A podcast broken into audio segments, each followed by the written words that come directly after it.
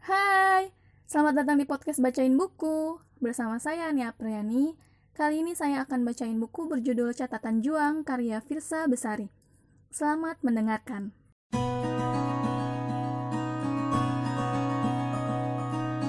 Andai semua orang bisa berpikir seperti itu, ucap hati Suar. Setelah sedikit tenang, ia menyimpan kembali buku bersampul merah ke dalam tas kecilnya. Ia baru menyadari bahwa perutnya lumayan lapar. Dibukanya stoples kudapan yang ia bawa dari Jakarta, tetapi tidak ada yang tersisa. Sementara hujan masih meraung di luar sana. Ia bungkus kembali tubuhnya dengan sleeping bag. Apa boleh buat, baiknya menunggu yang lain datang saja. Tak lama kemudian, pintu tenda dibuka. Seseorang menerobos masuk dengan pakaian kebasahan. Suar kaget bukan kepalang. Hampir saja ia pukul orang itu dengan rantang besi yang ada di depannya. Ternyata itu adalah Dude. Suar bernapas lega. Yang lain masih kejebak hujan di dalam gua, di sebelah timur hutan. Aku baru ingat kamu belum makan, makanya aku nekat lari ke sini. Ucap lelaki itu seraya membuka jas hujannya yang sudah kuyup, lalu melemparkannya keluar. Dari dalam bajunya, ia keluarkan sebungkus roti coklat. Ini bisa untuk mengganjal perut, setidaknya sampai kita bisa masak makanan, ujarnya. Suar menggeleng mengetatkan sleeping bag yang menyelimutinya. Dude menyentuh dahinya, panas. Ia membuka bungkus roti di tangannya,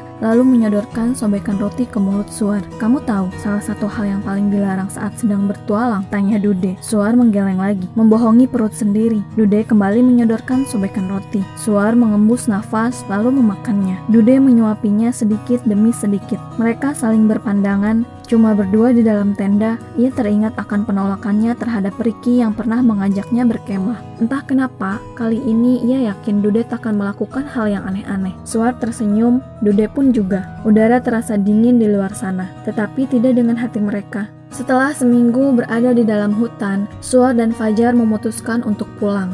Ini tentu saja dikarenakan dokumentasi dirasa telah lengkap. Lagi pula, ada yang Suar dan Fajar perlu bereskan di Jakarta tentang film garapan mereka. Selepas menyalin file dokumentasi ke laptop Budi, mereka pamit diantar oleh Dude untuk kembali ke PLTA. Sore masih cukup terik tetala mereka pergi bertiga meninggalkan perkemahan. Setiap kali bertemu dengan pecinta alam yang kurang informasi, atau pengendara sepeda motor trail yang bandel, mereka menyempatkan untuk memberi selebaran kertas informasi perihal pentingnya konservasi hutan Somea. Makin lebat pepohonan, makin tidak tertembus cahaya mentari. Suar mencuri pandang ke arah Dude yang juga sesekali melihat ke arahnya. Ia tahu ada yang tidak biasa dengan lelaki itu. Ia juga tahu ada rasa yang sedang tumbuh di dalam hatinya. Sebuah rasa yang perlu ia telaah kembali. Karena terkadang ia sulit membedakan antara kagum dengan jatuh cinta. Sekarang udah boleh bilang terima kasih? Tanya Dude. Suarta senyum mengingat kata-katanya saat baru tiba di PLTA seminggu yang lalu. Udah, terima kasih Suar. Sama saya enggak nih? Tanya Fajar. Terima kasih ganteng. Tambah Dude, kalau aja nggak ada kerjaan, aku pasti senang tinggal lebih lama di sini. Ujar Suar. Karena hutannya atau karena Bang Dude? Tanya Fajar. Suar menoyor kepala Fajar. Gak usah terlalu lama, nanti aku merasa berdosa karena udah cinlok di kawasan cagar alam, ucap Dude. Suar menghentikan langkahnya. Suar menghentikan langkahnya. Cinlok sama siapa bang? Alamak, aku salah bicara, pikir Dude. Anu, ini ada jejak sepeda motor trail, sepertinya baru. Dude berjongkok menyelidiki tanah. Suar tersipu. Ayo lanjut jalan, nanti kita kesorean. Fajar tidak begitu peduli dengan badai serotonin yang sedang melanda mereka berdua. Ia ingin segera pulang dan mandi air dingin di rumahnya. Reparasi hati. Sesekali, kendaraan bermotor yang kita punya harus diservis supaya tidak rusak. Diganti olinya, lantas dicek apa saja yang kondisinya kurang baik. Tubuh kita pun kurang lebih begitu. Sesekali harus diperiksa oleh dokter agar kita tahu apa yang salah dengan diri kita. Biasanya, kebanyakan dari kita takut pergi ke dokter akibat pola hidup sehari-hari. Apa yang kita lakukan pada diri kita takkan berdusta pada hasil akhir yang kita dapatkan. Gemar minum alkohol, siap-siap kena hepatitis. Rutin mengkonsumsi narkotik, siap-siap overdosis.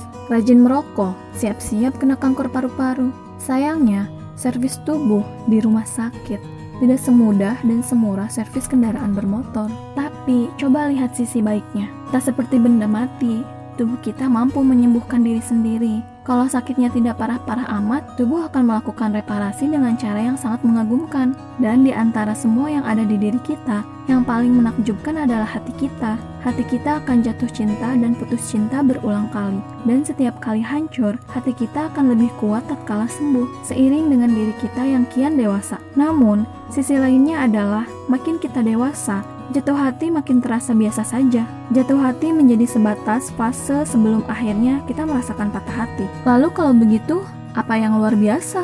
Yang luar biasa adalah ketika kita bisa berdiri setelah jatuh hati, lalu berjalan dengan seseorang yang kita sayangi. Tidak perlu dimabuk asmara, yang dimabuk asmara akan pergi setelah sadar. Tidak perlu tergila-gila, tidak perlu tergila-gila, yang gila akan pergi setelah waras. Kita cukup seperti ini adanya, saling menenangkan tanpa perlu mendebarkan, saling mendewasakan tanpa perlu mendewakan, saling menunjukkan tanpa perlu memamerkan, saling membahagiakan tanpa perlu membahayakan. Dan seperti musik, sejenuh apa pun kita pada cinta, pada akhirnya akan selalu ada satu lagu yang mampu membuat kita kembali merindukan seseorang. Kemudian, kita kembali terjatuh, kembali hancur, dan kembali sembuh. Jadi, apakah hati kita sembuh karena waktu? Ah, aku tidak percaya waktu akan menyembuhkan patah hati. Proses dalam waktulah yang akan menyembuhkan patah hati. Maka dari itu, jangan sembarangan menyerahkan hati ketika patah. Karena hanya di tangan mekanik yang tepat hati kita akan sembuh. Jadi, tidak perlu terburu-buru. Cinta tidak hadir untuk memuaskan rasa kesepian. Cinta hadir untuk menuntaskan pencarian. Har, halo. Dude melambaikan tangan di depan wajah Suar. Gadis itu mengedipkan mata, kembali dari lamunannya tentang kata-kata juang. Fajar yang berjalan paling cepat berada di depan, sementara Suar dan Dude yang tampaknya menikmati suasana berjalan dengan santai di belakangnya. Mungkin karena Dude keasikan berbincang dengan Suar, mereka tidak sadar bahwa mereka salah mengambil belokan. Tanah yang makin gembur menandakan bahwa mereka kini di daerah lembah yang jarang dilalui. Ini salah, pikir Dude. Kita harus kembali ke atas, ucapnya. Fajar yang terengah-engah mengambil botol di ranselnya. Dilihatnya baik-baik sisa air di botol tersebut sebelum ia meminumnya. Tinggal sedikit, saya kira nggak akan nyasar. Aku lebih parah, airku habis. Jelas suar, minum aja punyaku. Dude mengambil air botolan dari tas kecilnya. Ragu-ragu, Suar mengambil botol itu. Udah, nggak apa-apa. Suar meminumnya, lalu menyisakan sedikit untuk Dude. Setelah itu, mereka kembali berjalan menanjak mencari titik belokan yang salah. Hari kian temaram, tetapi belokan itu belum juga ditemukan. Fajar cemas mereka malah menyasar lebih jauh. Dan di tengah ketakutan, mereka mendengar suara dahan diinjak. Serak, mereka bertiga langsung terdiam. Suara itu terdengar kembali. Serak, mereka menoleh ke arah kanan. Tampak sebuah lubang menganga besar tepat di sebelah suar. Gadis itu menelan ludah. Jangan panik, bisik Dude yang berada di paling depan. Ngok, suara babi hutan terdengar dari dalam lubang. Fajar berjingkat mundur secara perlahan seraya mengeluarkan pisau lipat dari saku celananya.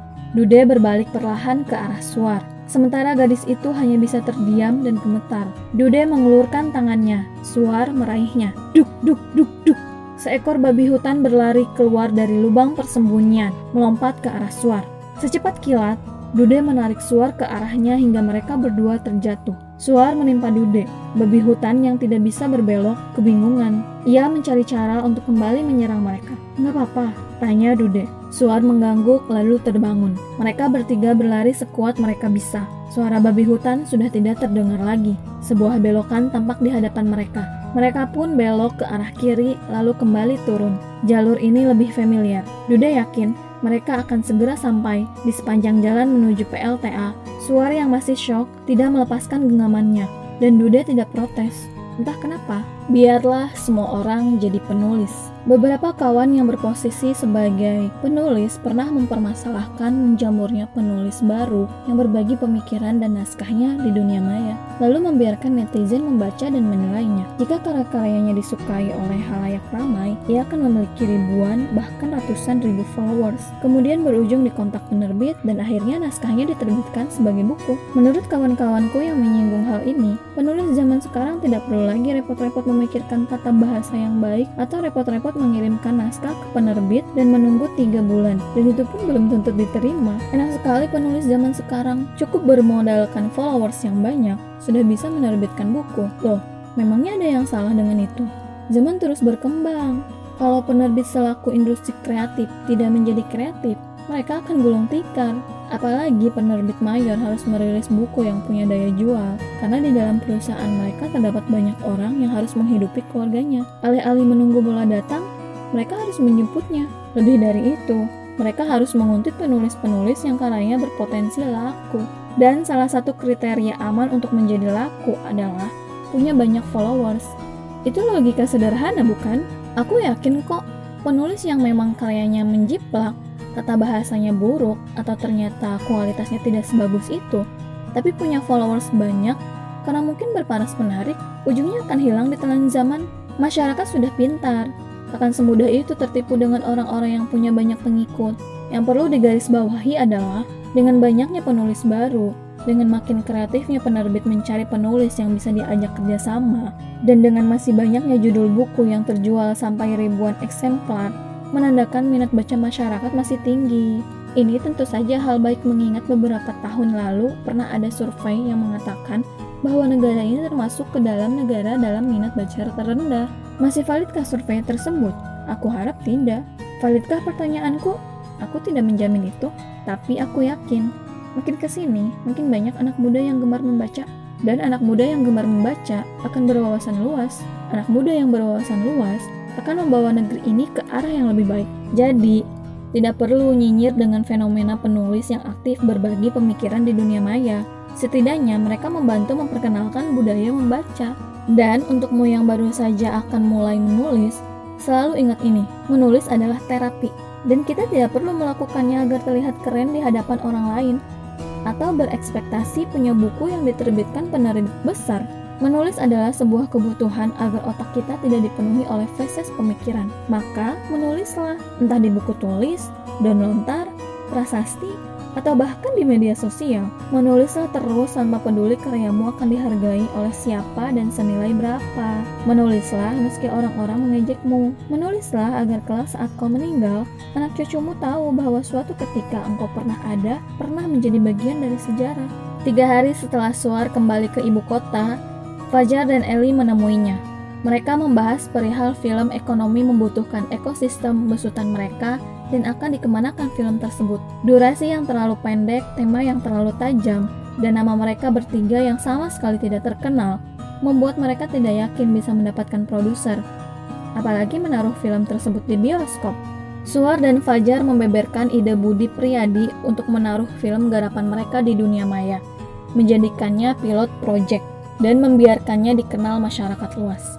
Mereka tentu tidak bisa mengharapkan profit apa pun, apalagi mengharapkan ongkos mereka ke sana-sini selama pembuatan film akan terganti.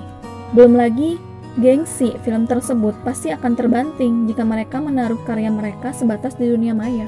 Akan tetapi, Suar mengingatkan kembali itikat awalnya mengajak Fajar dan Eli membuat film tersebut untuk membantu masyarakat desa. Mau tidak mau, mereka harus ikhlas. Yang terpenting, karya mereka dikenal terlebih dahulu. Uang dan ketenaran itu bonus mereka bertiga pun menyamakan pendapat. Tanpa ada rasa kesal dan sesal sedikit pun, film ekonomi membunuh ekosistem dipublish di dunia maya sejak hari ini. Pelan namun pasti karya Suar dan teman-teman mulai mendapat perhatian. Mulai dari puluhan orang melonjak ke angka ribuan dalam hitungan hari. Banyak orang yang tersadarkan tentang situasi di desa utara. Film ekonomi membunuh ekosistem menjadi viral. Dalam waktu seminggu saja, Ratusan ribu penonton sudah mereka dapatkan.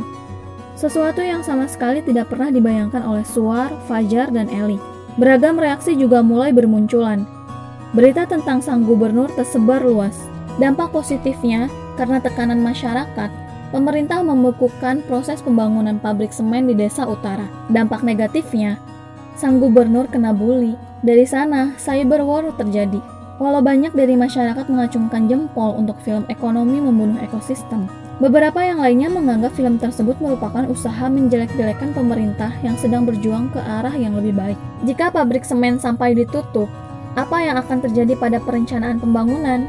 Entah pertama kali diprovokasi oleh siapa, efek bully berimbas pada tiga sekawan. Walau Fajar dan Eli tidak begitu ambil pusing, Kalimat-kalimat bernada kebencian yang bersarang di kolom komentar cukup memukul mental Suar. Untuk beberapa saat, ia bahkan berpikir untuk berhenti saja menjadi sineas. Terkadang dunia maya dapat menjelma menjadi tempat yang sangat kejam. Pikirnya, bully.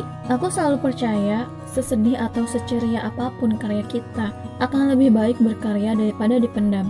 Makanya, jika kau sedang galau, lalu menulis puisi dan merilisnya di internet. Tak perlu dengarkan cemooh orang lain. Seseorang yang berkarya saat sedang bersedih jauh lebih baik daripada lari ke hal-hal negatif. Dan jika dirimu masih malu-malu berkarya, cuek saja. Berkarya itu untuk diri sendiri.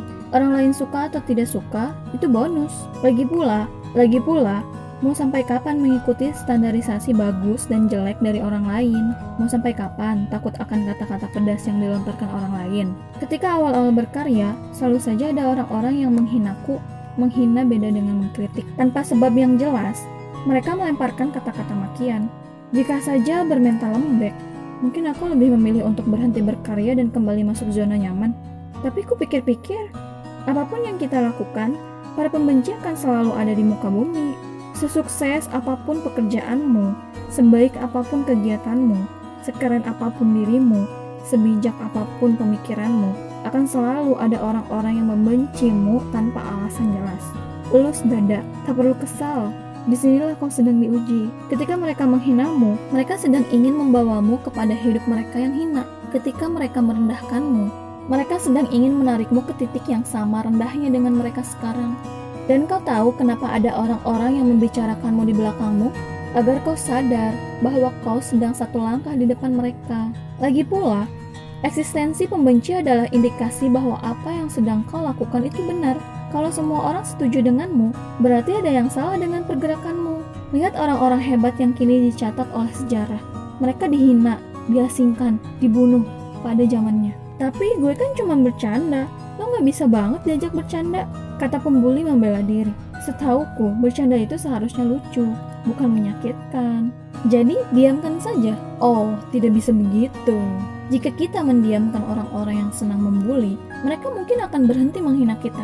Tapi mereka akan mencari korban yang lain. Pikiran bebal mereka merasa dirinya kuat selama ada korban untuk diinjak-injak. Lantas, harus bagaimana? Balas dengan kebaikan. Menurutku, inilah jalan terbaik. Ucapkan terima kasih atas pendapat mereka tentang dirimu. Kalau perlu, ucapkan di depan wajah mereka. Jangan lupa pasang senyum terbaik, karena hal yang paling menyebalkan bagi seorang badut adalah ketika bercandaannya tidak lagi lucu. Dan bullying tidak lucu, tidak pernah lucu, takkan pernah lucu. Jadi, seduh kopi atau teh, balas sesopan mungkin. Orang-orang berpendidikan takkan membiarkan emosi memengaruhi dalam mengetik. Sikapi dunia maya dengan lebih ceria. Pembenci adalah pengagum yang sedang menyamar. Maka dari itu, ingatlah, bagaimanapun perawakanmu, dari suku mana pun kau berasal, agama apa pun yang kau yakini, apa pun hal yang kau sukai, sebeda apa pun dirimu, ketahui saja bahwa kau jauh lebih baik dibandingkan spesies pembuli. Jangan takut menjadi dirimu sendiri, jangan takut menjadi jujur. Berkaryalah sesukamu, orang lain suka atau tidak, itu urusan mereka. Terkadang dunia maya dapat menjelma menjadi tempat yang sangat kejam, tapi bukankah dunia nyata juga begitu? Jika beberapa orang bertindak jahat, jika beberapa orang bertindak jahat, bukan berarti seluruh dunia jahat, ucap Suar pada dirinya sendiri. Ia lalu menilik kembali jumlah likes yang ribuan kali lebih banyak dibandingkan dislikes. Juga jumlah penonton filmnya yang hampir mencapai angka 1 juta, yang sudah lebih dari cukup untuk menyebarkan perihal masalah desa utara. Sepatutnya, ia tidak perlu terlalu memikirkan segerombolan orang yang mengeluarkan kalimat kebencian, lalu melupakan respon positif yang jumlahnya jauh lebih banyak. Lagi pula, siapa dirinya yang harus haus akan pujian dari orang lain? Bukankah pujian hanyalah ujian yang menyamar? Lagi-lagi Suar terselamatkan dari pikiran yang tidak-tidak, terutama di saat seperti ini, saat ia membutuhkan dukungan moral dan Dude malah menghilang entah ke mana. Ponsel Sual berbunyi, ia buka sebuah pesan dari Ricky. Hey Ar, aku udah lihat karyamu. Congrats ya. Akhirnya bisa mengejar cita-citamu lagi. Aku turut bangga. Suar tersenyum. Terima kasih ya, balasnya. Dua minggu telah berlalu semenjak pertemuan di hutan Someah. Dari sana, Dude hilang bak di telan bumi. Bodohnya, Suar tidak sempat meminta kontak Budi, Anissa, atau teman-teman Dude lainnya untuk sekedar berbahasa basi dan jika beruntung dapat kabar Dude, Suar gemas sendiri. Ia merasa sedang ada di sebuah titik di mana dirinya tidak berhak untuk khawatir tetapi juga tidak bisa mundur dan melupakan lelaki itu begitu saja. Ia merasa belum perlu sampai menghampiri Dude ke kedainya di kota Bandung, lalu berharap semuanya berakhir bahagia seperti film drama. Sesuatu seperti itu akan sangat berlebihan bukan? Ataukah perlu? Suar bingung sendiri. Awalnya ia menganggap bahwa perasaannya sekedar euforia sesaat. Katakanlah kekaguman belaka. Namun ujungnya ia mesti jujur pada dirinya sendiri ada sesuatu yang terbenam di hatinya, rasa rindu.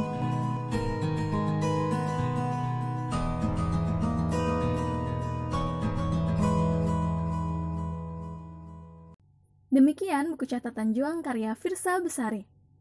Untuk lebih detailnya, silakan teman-teman beli bukunya di toko buku kesayangan kamu. Terima kasih telah mendengarkan podcast Bacain Buku. Nantikan episode selanjutnya. Dan bagi kamu yang ingin request buku apa yang akan saya bacakan, silakan DM di Instagram saya at aniapriani underscore 18. Sampai jumpa.